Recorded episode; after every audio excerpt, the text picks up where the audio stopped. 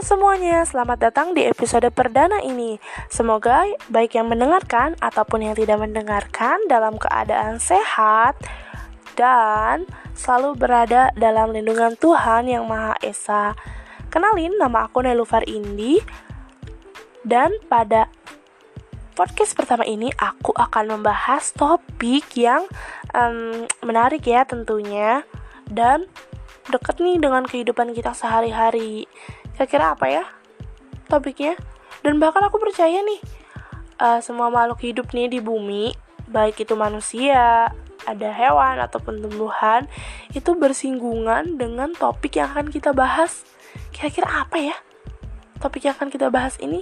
Nah kita kali ini atau aku yang lebih tepatnya kali ini nih akan membahas tentang sampah teman-teman udah pasti nggak asing dong dengan istilah sampah ini.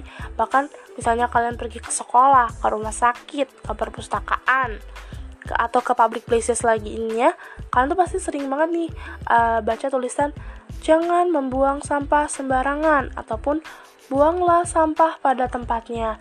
Nah kira-kira nih dengan membuang sampah ke tempatnya itu apakah sudah menyelesaikan masalah persampahan ini Nah, kalau mau tahu, dengerin terus podcast ini sampai selesai ya.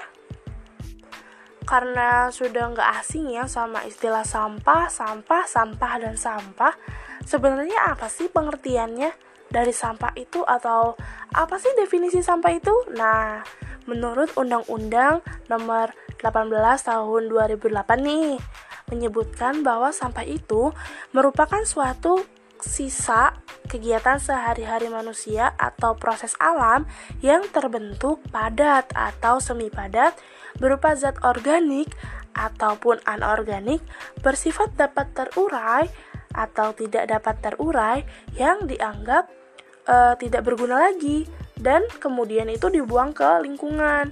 Jadi sampah itu sisa sisa dari kegiatan ataupun proses kemudian tidak berguna lagi sehingga dibuang ke lingkungan.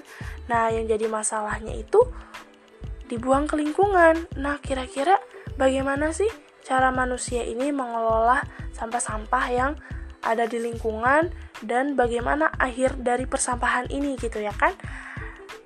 Karena tadi udah dibahas nih, udah dimention ada sampah anorganik. Nah, di podcast kali ini sampah anorganik akan jadi bintangnya nih karena banyak banget ya yang bisa kita ulik dari sampah anorganik ini. Nah, sampah anorganik ini terdiri dari uh, sampah logam dan produk-produk olahannya.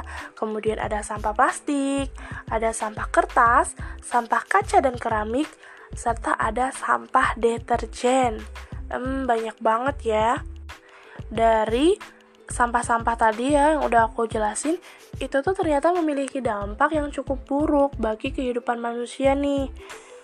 Ada dampak terhadap kesehatan, contohnya sampahnya numpuk, jorok, banyak bakteri, banyak virus yang datang, jadinya sakit deh. Kemudian ada dampak terhadap lingkungan, buang sampah sembarangan, main ke pantai, asal buang sampahnya nggak di tempat sampah. Terus sampah-sampah itu bisa masuk ke laut itu bisa mencelakakan makhluk-makhluk yang ada di laut. Aku pernah dengar berita tentang penyu yang tempurungnya itu tidak terbentuk dengan sempurna karena sampah plastik. Jadi penyu itu ketika kecil dia itu kan main-main ya kan berenang-berenang di laut. Eh nggak sengaja nih. Dia nyangkut di plastik di sampah plastik. Kemudian plastiknya itu terjebak ya di tempurungnya di antara uh, kedua kakinya itu. Kemudian susah dong si plastik ini keluarnya ya kan?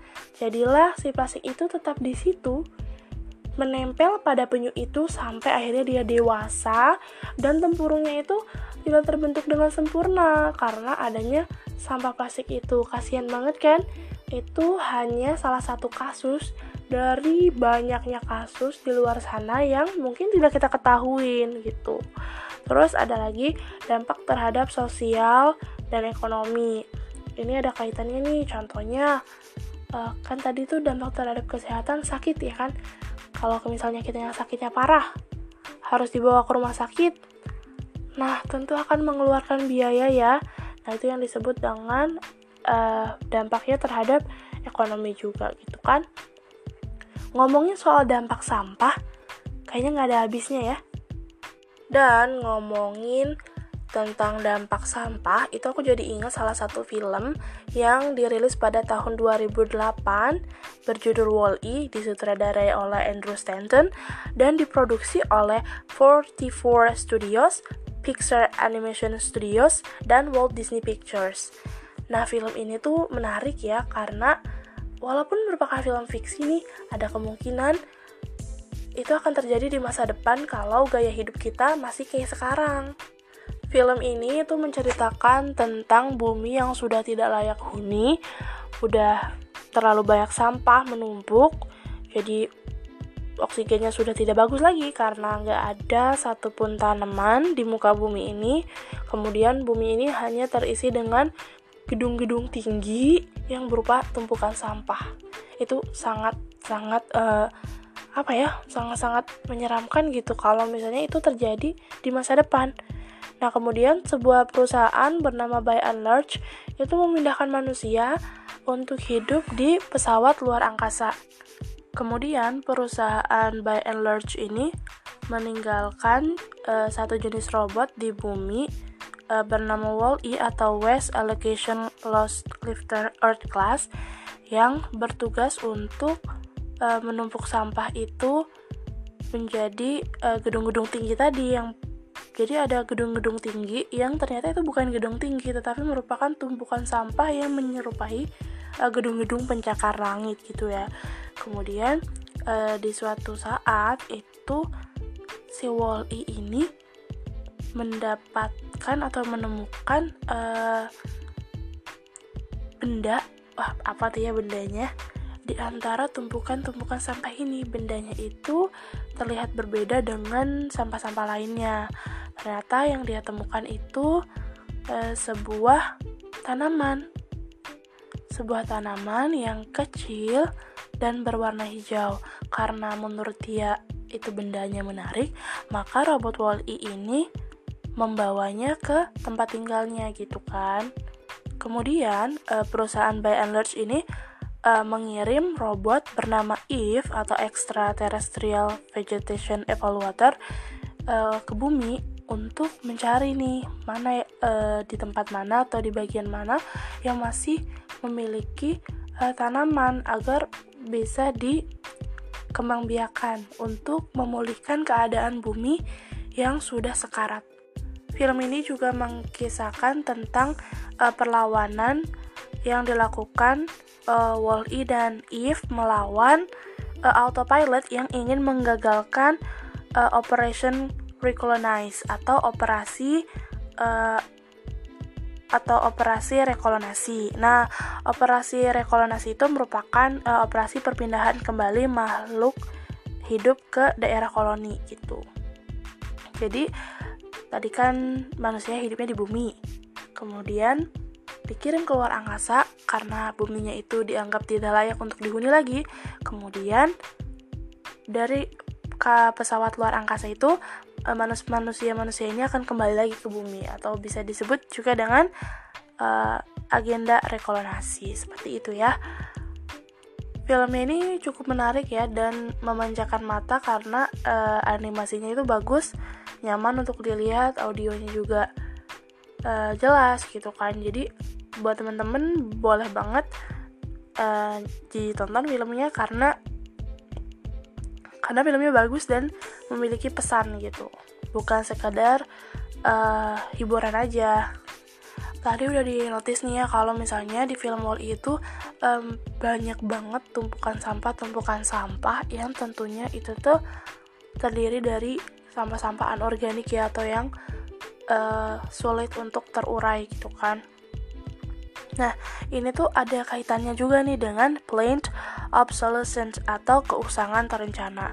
Nah, jadi apa sih itu keusangan terencana? Keusangan terencana itu merupakan suatu kebijakan merencanakan atau merancang suatu produk dengan rentang hidup yang uh, sengaja dibuat terbatas sehingga produk tersebut akan menjadi usang setelah periode tertentu karena karena kebutuhan manusia itu semakin banyak dan semakin bermacam-macam maka produsen itu berlomba-lomba nih untuk memenuhi uh, kebutuhan-kebutuhan itu.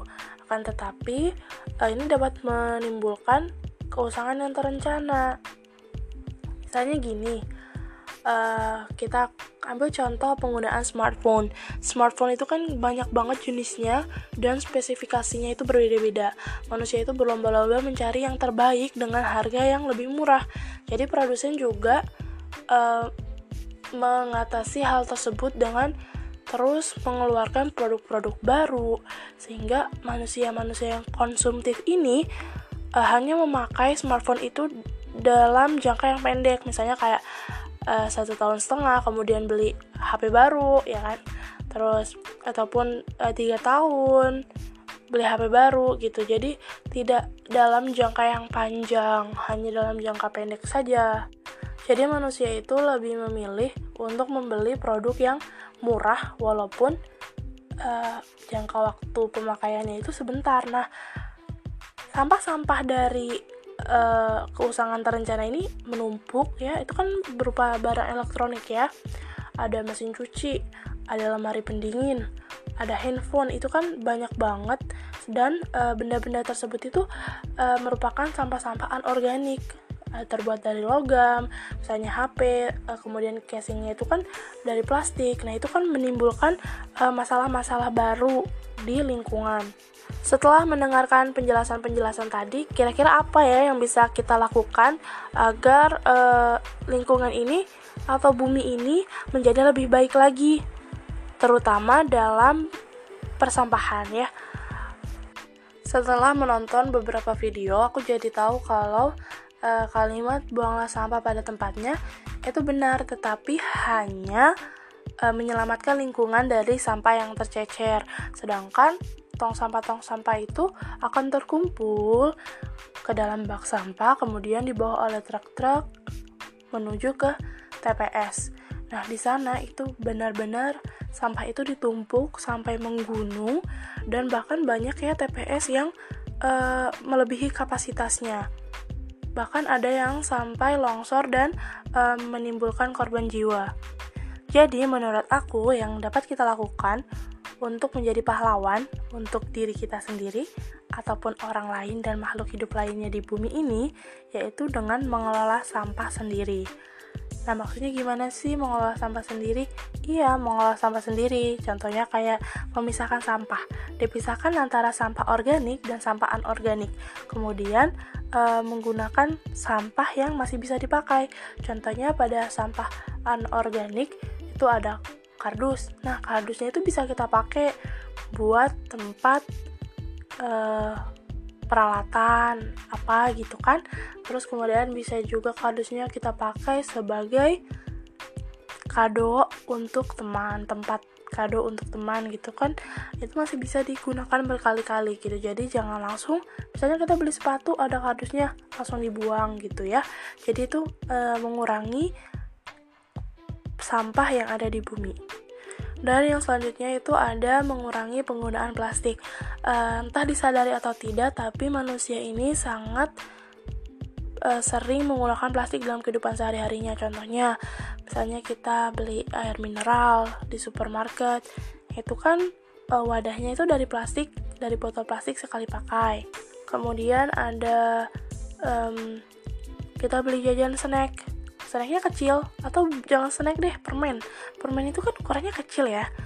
Tapi kita makannya itu nggak sampai 5 menit.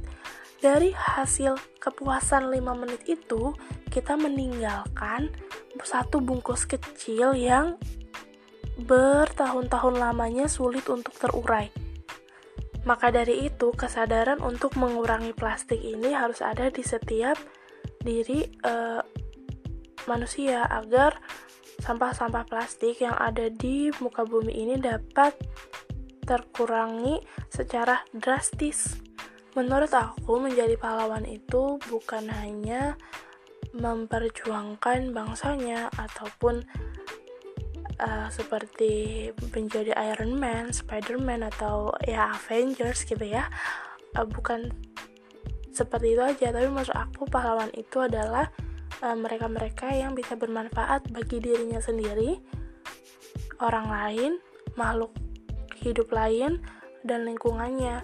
Walaupun manfaatnya itu kecil ya, tapi jika dia itu bermanfaat untuk untuk uh, lingkungan di sekitarnya, maka dia bisa dibilang sebagai pahlawan karena dia sudah memberikan manfaat kepada orang lain ataupun makhluk hidup makhluk hidup yang ada di sekitarnya. Jadi, kalau kamu mau jadi pahlawan, ini saat yang tepat untuk kamu menunjukkan eksistensi kamu nih sebagai pahlawan. Oleh karena itu, ayo kita sama-sama menjadi pribadi yang lebih baik lagi dengan menumbuhkan kesadaran peduli terhadap lingkungan dengan cara mengolah sampah sendiri. Terima kasih telah mendengarkan podcast ini. Semoga sehat selalu. Bye.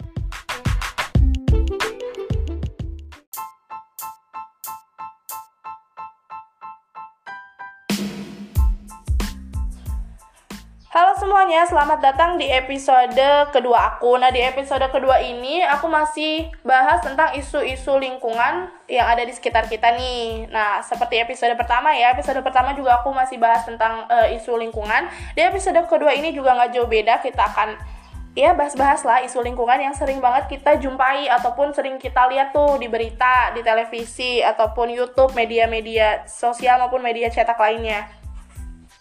Tapi apa sih bedanya dengan episode 1 kalau misalnya di episode 2 ini kita sama-sama bahas tentang isu lingkungan nih. Wah, pasti banget ya ada bedanya karena di episode kedua ini bakalan spesial karena aku nggak bakalan sendirian, aku bakalan ngobrol nih sama seseorang. Wah, siapa ya bintang tamunya kali ini? Oh ya, buat yang belum tahu, kenalin nama aku Nailufar Indi. Kebetulan aku ini ngambil jurusan pendidikan guru sekolah dasar ya, atau biasa disebutnya PGSD di Universitas Pendidikan Indonesia kampus Tasikmalaya. Nah, karena aku ini merupakan uh, mahasiswi ya di bidang pendidikan khususnya di SD, udah ketebak belum nih bintang tamunya bakalan siapa? Bintang tamunya ini nggak bakalan jauh-jauh ya dari lingkup uh, eh, SD, bisa guru, siswa atau siapanya ya. Buat yang mau tahu kita ngobrolin apa aja dan bintang tamunya ini siapa sih, terus dengerin podcast ini sampai selesai ya. Langsung aja yuk kita kenalan nih sama bintang tamu kita kali ini. Kenalin nama aku Fani, aku kelas 5 SD, umur aku 11 tahun. Gimana kabarnya hari ini Fani? Baik. Baik ya, uh, walaupun di tengah pandemi ini ya semoga kita selalu udah berada dalam lindungan Allah Subhanahu wa taala ya. Semoga selalu dijaga gitu kesehatannya. Buat temen-temen juga yang dengerin uh, jangan lupa ya patuhi protokol kesehatan. Dan juga buat yang penasaran kenapa sih aku ngundang bintang tamunya ini anak SD ya kan? Alasannya itu karena aku mau tahu nih perspektif mereka tentang isu-isu lingkungan dan aku juga mau tahu apakah anak usia SD ini udah bisa diajak ngobrol nih tentang isu lingkungan dan juga sejauh mana sih mereka itu paham mengenai isu-isu lingkungan yang ada di sekitar mereka. Nah, karena kita mau bahas tentang isu lingkungan, kita tanya dulu nih sama bintang tamunya. Fani tahu nggak sih masalah-masalah lingkungan yang ada di sekitar Fani, di sekitar rumah gitu? Tahu. Apa coba contohnya? Kayak kebakaran hutan. Heeh, terus? Apa? Heeh. Apalagi? Udah dua aja? Udah. Dua aja ya, yang ada di sekitar Fani gitu ya? Nah, tadi udah di-mention tuh sama Fani kalau isu lingkungan yang ada di sekitarnya itu ada sampah sama kebakaran hutan ya. Nah, kakak tuh tertarik gitu loh buat kita ini bahas tentang kebakaran hutan. Bagi yang belum tahu, sekarang ini aku lagi di uh, Kabupaten Muaro Jambi, Provinsi Jambi tepatnya. Dan pada tahun 2019 itu ada kebakaran hutan nih di Kabupaten Muaro Jambi ini, tapi tepatnya itu di Kecamatan Kumpeh. Nah, pada saat uh, kebakaran itu mengakibatkan langit itu sampai warnanya merah. Fani pernah tahu nggak kejadian itu? Pernah. Pernah tahu ya? Iya. Taunya dari mana tuh? Dari berita. Berita nonton di TV. di TV, oke. Fani masih inget nggak waktu sebelum pandemi ya kita tuh keluar juga harus pakai masker karena ada asap kiriman ya dari kebakaran hutan di Riau tahu nggak? Masih inget nggak itu? Masih ingat. masih inget ya kita kalau keluar juga harus pakai masker ya karena asapnya itu bener-bener nutupin mata juga kan. Jadi bikin sesak nafas ya kalau kita misalnya keluar itu nggak pakai masker ya. Nah Fani itu tahu asap yang kita hirup itu pada saat itu tahu nggak itu asapnya dari mana? Itu dari Riau. tahu ya dari Riau. Lihatnya di mana sih? Kok bisa tahu Fani kalau asap itu tuh dari Riau Lihat di berita. oh di berita di TV ya Iya. Nah tadi itu sebelum kita mulai ngobrol ya, Fanny itu udah eh, kakak kasih tunjuk sebuah video ya tentang kebe- kebakaran hutan yang ada di Kumpeh yang di Muaro Jambi juga itu. Nah menurut Fanny isi videonya itu gimana sih? Ter- eh, kebakaran hutan yang sangat besar. Heeh, terus Terus tuh langitnya sampai merah gitu ya? Langitnya sampai merah gitu terus apa lagi? Orang-orang kalau mau lewat harus nyalain nyalain lampu. nyalain lampu lampu motornya ya lampu kendaraannya karena bener-bener nggak kelihatan banget ya yang kelihatan cuma merah padahal itu jam berapa tadi Jam setengah satu. jam setengah satu siang ya tapi kayak malam karena nggak kelihatan apa-apa cuman langitnya yang merah aja ya nah tadi udah udah ngeliat video ya udah ngeliat video tentang kebakaran hutan. Nah menurut Fanny itu apa sih yang menyebabkan kebakaran hutan itu terjadi? Eh, karena ada orang yang sedang bermain api dan api itu tidak sengaja terkena pohon-pohon hutan. oh jadi orangnya nggak sengaja ya? Iya. karena pohon-pohon yang di hutan gitu apinya. Jadi kebakaran tuh hutannya ya? Oke.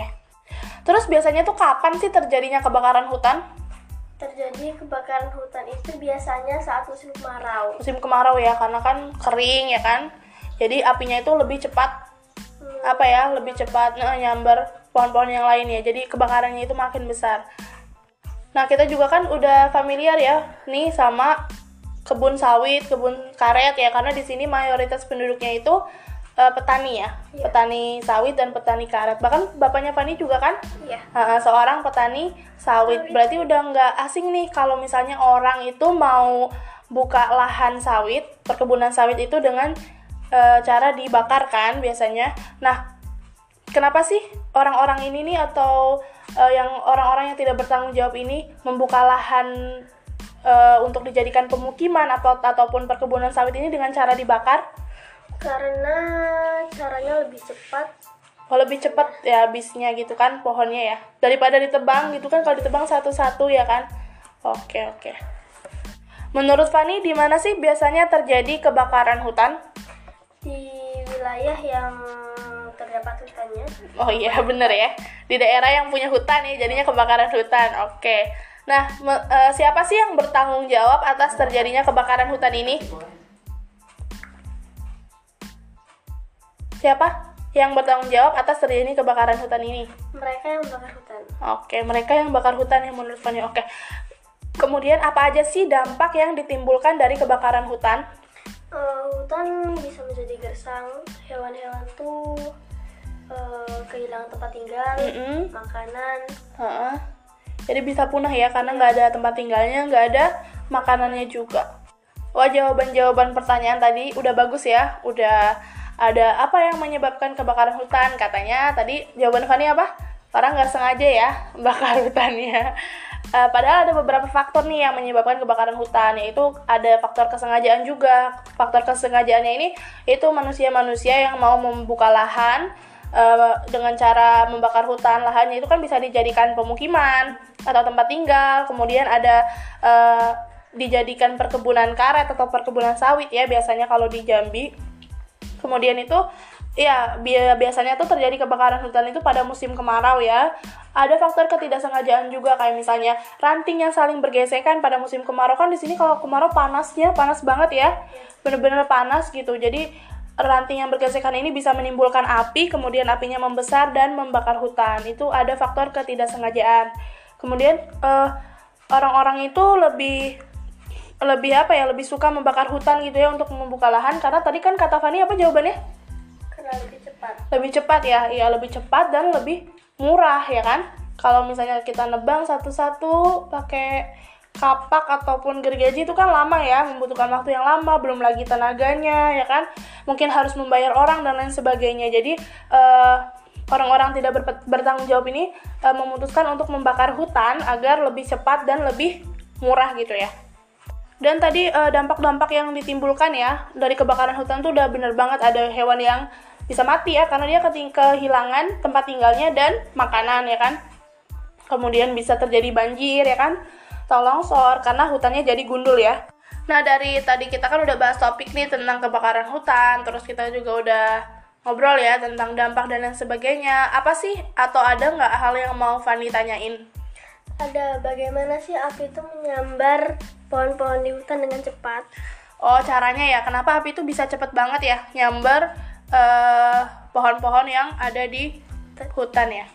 Ca caranya itu biasanya uh, dengan uh, bantuan angin ya, karena biasanya pembakaran hutan itu dilakukan uh, pada saat musim kemarau. Jadi posisi daun-daunnya juga sedang kering ya, batang-batangnya juga kering gitu kan.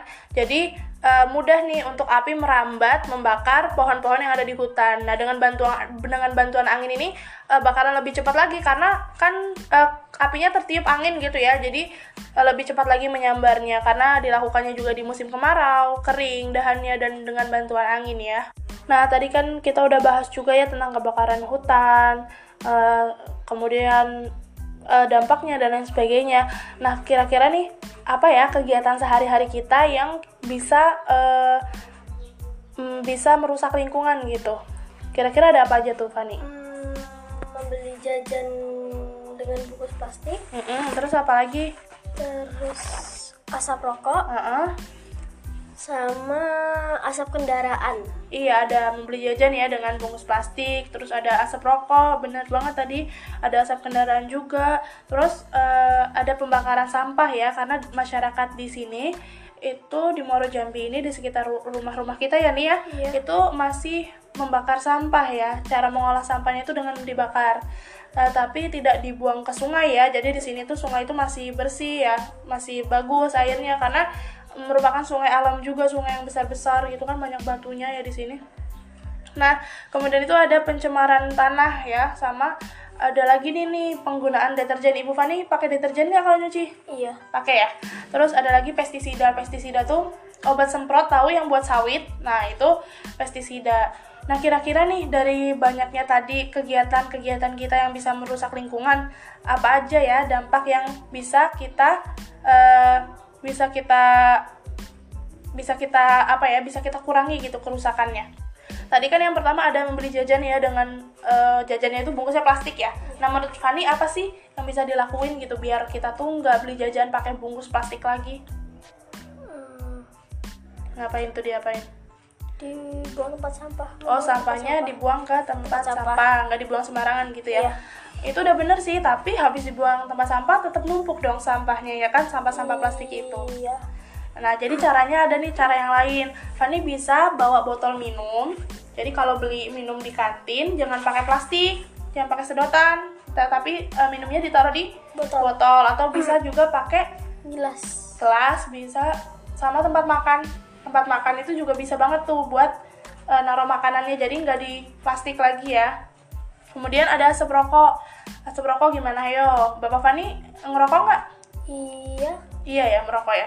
Kita bisa menghindari asap asap rokok itu dengan menjauhin ya karena itu kan nggak bagus buat kesehatan ya. Jadi Fani bilang bisa bilang untuk ke bapak apa jangan ngerokok lagi gitu. Atau kalau misalnya bapaknya ngerokok suruh di luar gitu ya. Iya. Ada lagi asap kendaraan yang ketiga tadi ada asap kendaraan. Nah, menurut Fani gimana nih cara mengurangi asap kendaraan? Bisa naik? Naik sepeda. Naik sepeda Fani punya sepeda kan? Punya. Nah Fani bisa naik motor? Bisa naik motor kan? Iya. Nah, tapi kalau berangkat sekolah, usahain tuh kalau berangkat sekolah bawanya sepeda biar mengurangi asap kendaraan ya. Selanjutnya itu tadi ada pembakaran sampah ya, karena di sini masih dibakar sampahnya ya, masyarakatnya masih membakar sampah. Caranya gimana ya biar mengurangi asap dari pembakaran sampah ini? Caranya itu bisa bisa apa ya bisa menggali lubang. Ayam. jadi ditim ditimbun. Mm jangan dibakar ha, dikubur. Jangan dibakar ya. Kemudian ada uh, pencemaran tanah nih berupa penggunaan deterjen dan pestisida. Pestisida itu tadi obat semprot sawit itu ya, pestisida. Nah, pengun- eh, ngurangin nguranginnya gimana sih biar nggak terjadi kerusakan lingkungan? Eh, tidak terlalu banyak menggunakan deterjen Oke, tidak terlalu banyak menggunakan deterjen ya. Deterjen. Terus juga em, meng- eh, menggunakan pestisida secukupnya aja ya, jangan berlebihan gitu. Wah seru banget ya ngobrol-ngobrolnya dari tadi dari awal sampai akhir bahas-bahas tentang eh, isu lingkungan, kemudian ada kebakaran hutan dan eh, cara-cara untuk mengurangi kerusakan lingkungannya ya. Kesimpulan dari eh, diskusi kita kali ini atau ya obrolan kita kali ini dis- kesimpulannya adalah ternyata anak usia SD atau tepatnya anak usia 11 tahun ya yang berada di kelas 5 SD itu bisa udah bisa loh diajak ngobrol, eh, udah bisa diajak memba- membicarakan isu-isu lingkungan yang ada di sekitarnya. Jadi mereka tuh sudah memiliki pemahamannya ya eh, tentang isu-isu lingkungan gitu. Dan sedikit banyaknya mereka tuh udah mengetahui nih mana yang boleh dilakukan dan mana yang tidak boleh dilakukan eh, untuk menjaga lingkungan agar tetap asri. Terima kasih ya Fani udah mau nemenin kakak eh, ngobrol-ngobrol hari ini buat bahas-bahas tentang isu lingkungan ya atau tepatnya tuh kebakaran hutan ya yang eh, dampaknya itu kita rasakan gitu ya. ya sama-sama Fani juga seneng diajak ngobrol jadi eh, dapat ilmu lagi pengetahuan pengetahuan yang Baru ya. yang, yang baru sebelumnya belum didapetin gitu ya. Iya. Ya makasih ya. Oke, udah selesai nih eh, ngobrol-ngobrol kita kali ini. Eh, terima kasih banyak yang sudah mendengarkan. See you next time.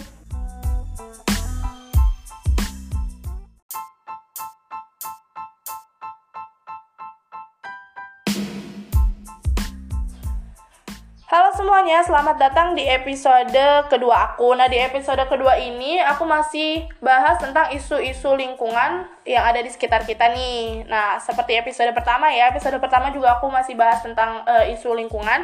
Di episode kedua ini juga nggak jauh beda, kita akan ya bahas-bahas lah isu lingkungan yang sering banget kita jumpai ataupun sering kita lihat tuh di berita, di televisi ataupun YouTube, media-media sosial maupun media cetak lainnya.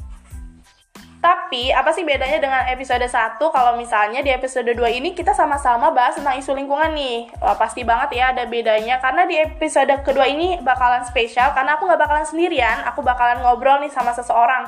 Wah, siapa ya bintang tamunya kali ini? Oh ya, buat yang belum tahu, kenalin nama aku Nailufar Indi. Kebetulan aku ini ngambil jurusan pendidikan guru sekolah dasar ya, atau biasa disebutnya PGSD di Universitas Pendidikan Indonesia, kampus Tasikmalaya. Nah, karena aku ini merupakan eh, mahasiswi ya di bidang pendidikan, khususnya di SD, udah ketebak belum nih bintang tamunya bakalan siapa? Bintang tamunya ini nggak bakalan jauh-jauh ya dari lingkup eh, SD, bisa guru, siswa, atau siapanya ya. Buat yang mau tahu kita ngobrolin apa aja dan bintang tamunya ini siapa sih, terus dengerin podcast ini sampai selesai ya. Langsung aja yuk kita kenalan nih sama bintang tamu kita kali ini. kenalin nama aku Fani aku kelas 5 SD umur aku 11 tahun Gimana kabarnya hari ini Fani? baik Baik ya, eh, walaupun di tengah pandemi ini ya semoga kita selalu da- berada dalam lindungan Allah Subhanahu wa taala ya. Semoga selalu dijaga gitu kesehatannya. Buat temen-temen juga yang dengerin eh, jangan lupa ya patuhi pro- protokol kesehatan. Dan juga buat yang penasaran kenapa sih aku ngundang bintang tamunya ini anak SD ya kan? Alasannya itu karena aku mau tahu nih perspektif mereka tentang isu-isu lingkungan dan aku juga mau tahu apakah anak usia SD ini udah bisa diajak ngobrol nih tentang isu lingkungan dan juga sejauh mana sih mereka itu paham mengenai isu-isu lingkungan yang ada di sekitar mereka. Nah, karena kita mau bahas tentang isu lingkungan, kita tanya dulu nih sama bintang tamunya. Fani tahu nggak sih masalah-masalah lingkungan yang ada di sekitar Fani, di sekitar rumah gitu? tahu Apa coba contohnya? kayak kebakaran hutan Heeh, terus? apa Hah?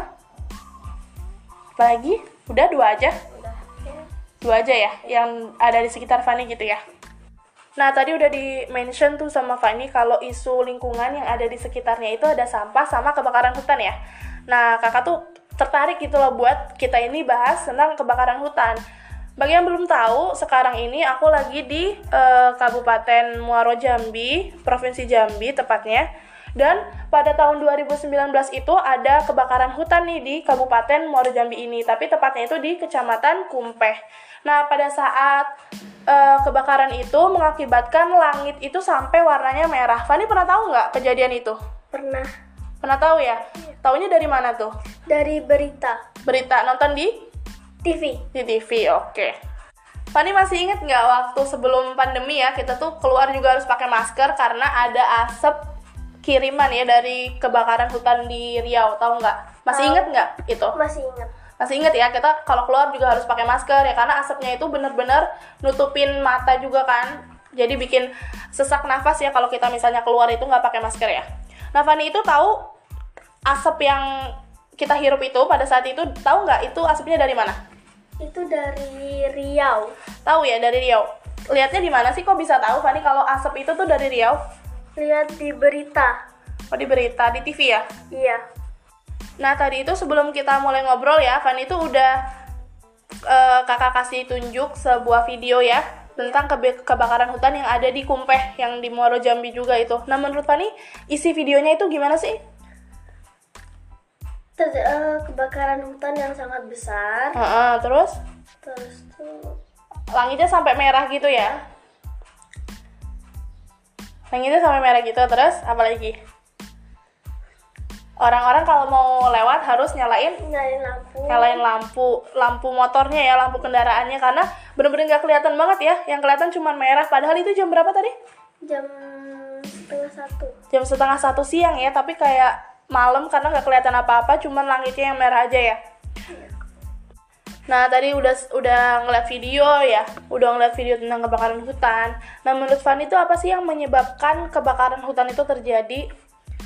Uh, karena ada orang yang sedang bermain api dan api itu tidak sengaja terkena pohon-pohon di hutan. Oh jadi orangnya nggak sengaja ya? Iya. Karena pohon-pohon yang di hutan gitu apinya jadi kebakaran tuh hutannya ya. Oke. Terus biasanya tuh kapan sih terjadinya kebakaran hutan? Terjadi kebakaran hutan itu biasanya saat musim kemarau. Musim kemarau ya, karena kan kering ya kan. Jadi apinya itu lebih cepat hmm. apa ya, lebih cepat nah, nyamber pohon-pohon yang lain ya. Jadi kebakarannya itu makin besar. Nah, kita juga kan udah familiar ya nih sama kebun sawit, kebun karet ya karena di sini mayoritas penduduknya itu uh, petani ya, yeah. petani sawit dan petani karet. Bahkan bapaknya Fani juga kan, yeah. uh, seorang petani sawit. sawit. Berarti udah nggak asing nih kalau misalnya orang itu mau buka lahan sawit, perkebunan sawit itu dengan uh, cara dibakar kan biasanya. Nah, kenapa sih orang-orang ini nih atau uh, yang orang-orang yang tidak bertanggung jawab ini membuka lahan uh, untuk dijadikan pemukiman atau ataupun perkebunan sawit ini dengan cara dibakar? karena caranya lebih cepat. Oh lebih cepat ya habisnya gitu kan pohonnya ya. Daripada ditebang gitu kan kalau ditebang satu-satu ya kan. Oke oke.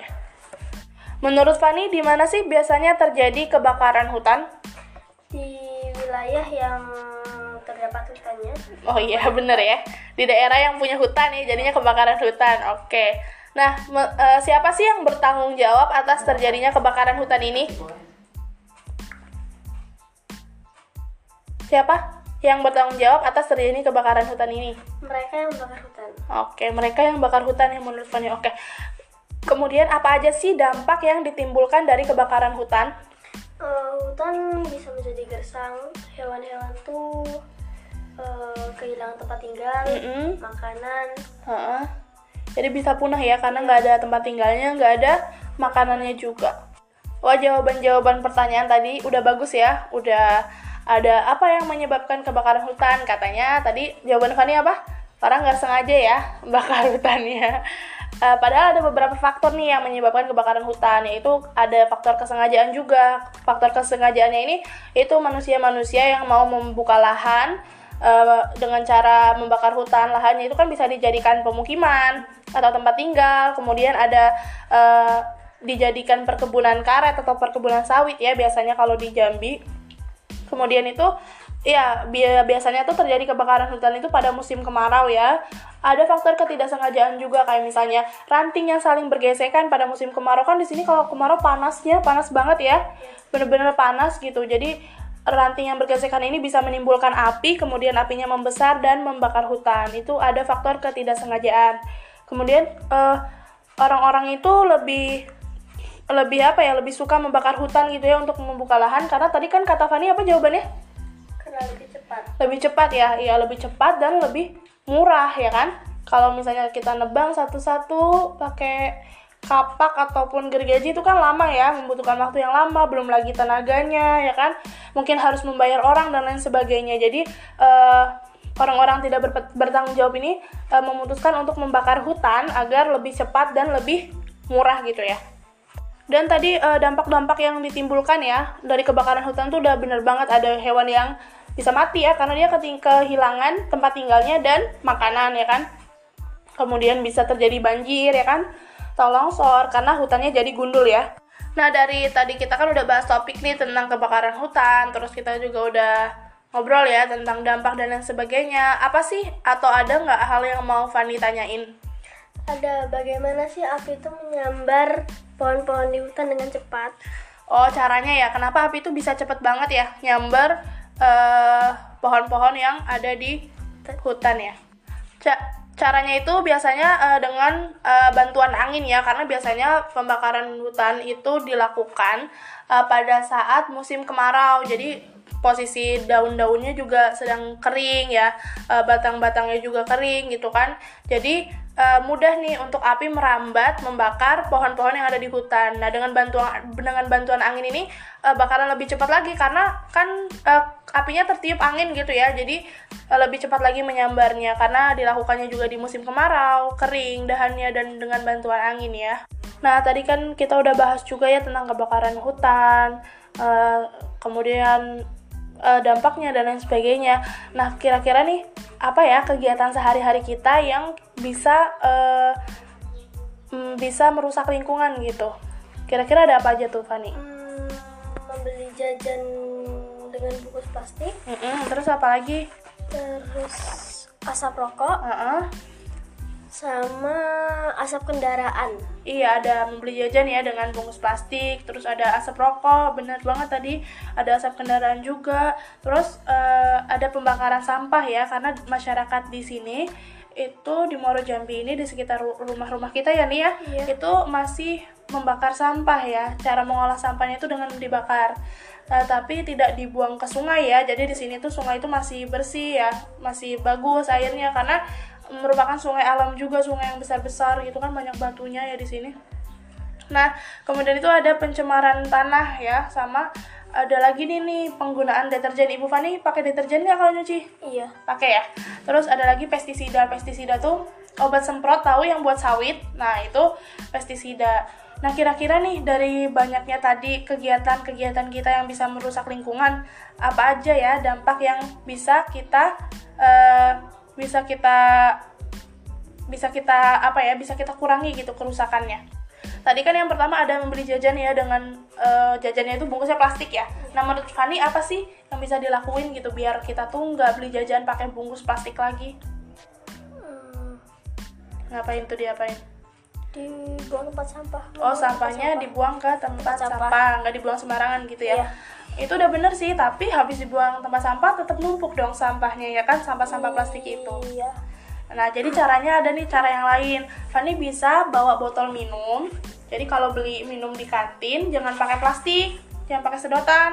Tapi uh, minumnya ditaruh di botol, botol. Atau bisa juga pakai gelas. gelas bisa sama tempat makan.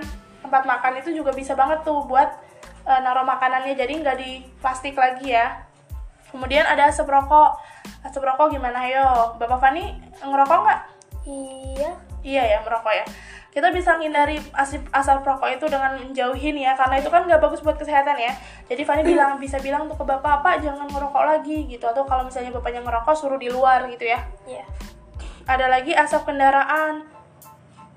Yang ketiga tadi ada asap kendaraan. Nah, menurut Fani gimana nih cara mengurangi asap kendaraan?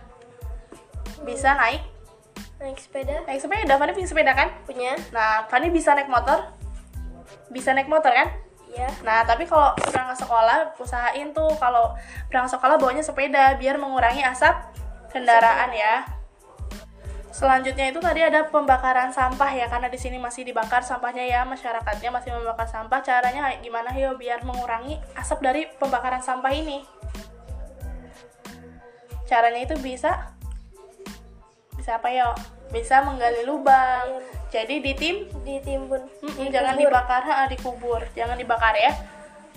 Kemudian ada eh, pencemaran tanah nih berupa penggunaan deterjen dan pestisida. Pestisida itu tadi obat semprot sawit itu ya, pestisida. Nah, pengun- eh, ngurangin nguranginnya gimana sih biar nggak terjadi kerusakan lingkungan? Eh, tidak terlalu banyak menggunakan deterjen Oke, tidak terlalu banyak menggunakan deterjen ya. Deterjen, eh. Terus juga em, meng- eh, menggunakan pestisida secukupnya aja ya, jangan berlebihan gitu. Wah seru banget ya ngobrol-ngobrolnya dari tadi dari awal sampai akhir bahas-bahas tentang eh, isu lingkungan, kemudian ada kebakaran hutan dan eh, cara-cara untuk mengurangi kerusakan lingkungannya ya.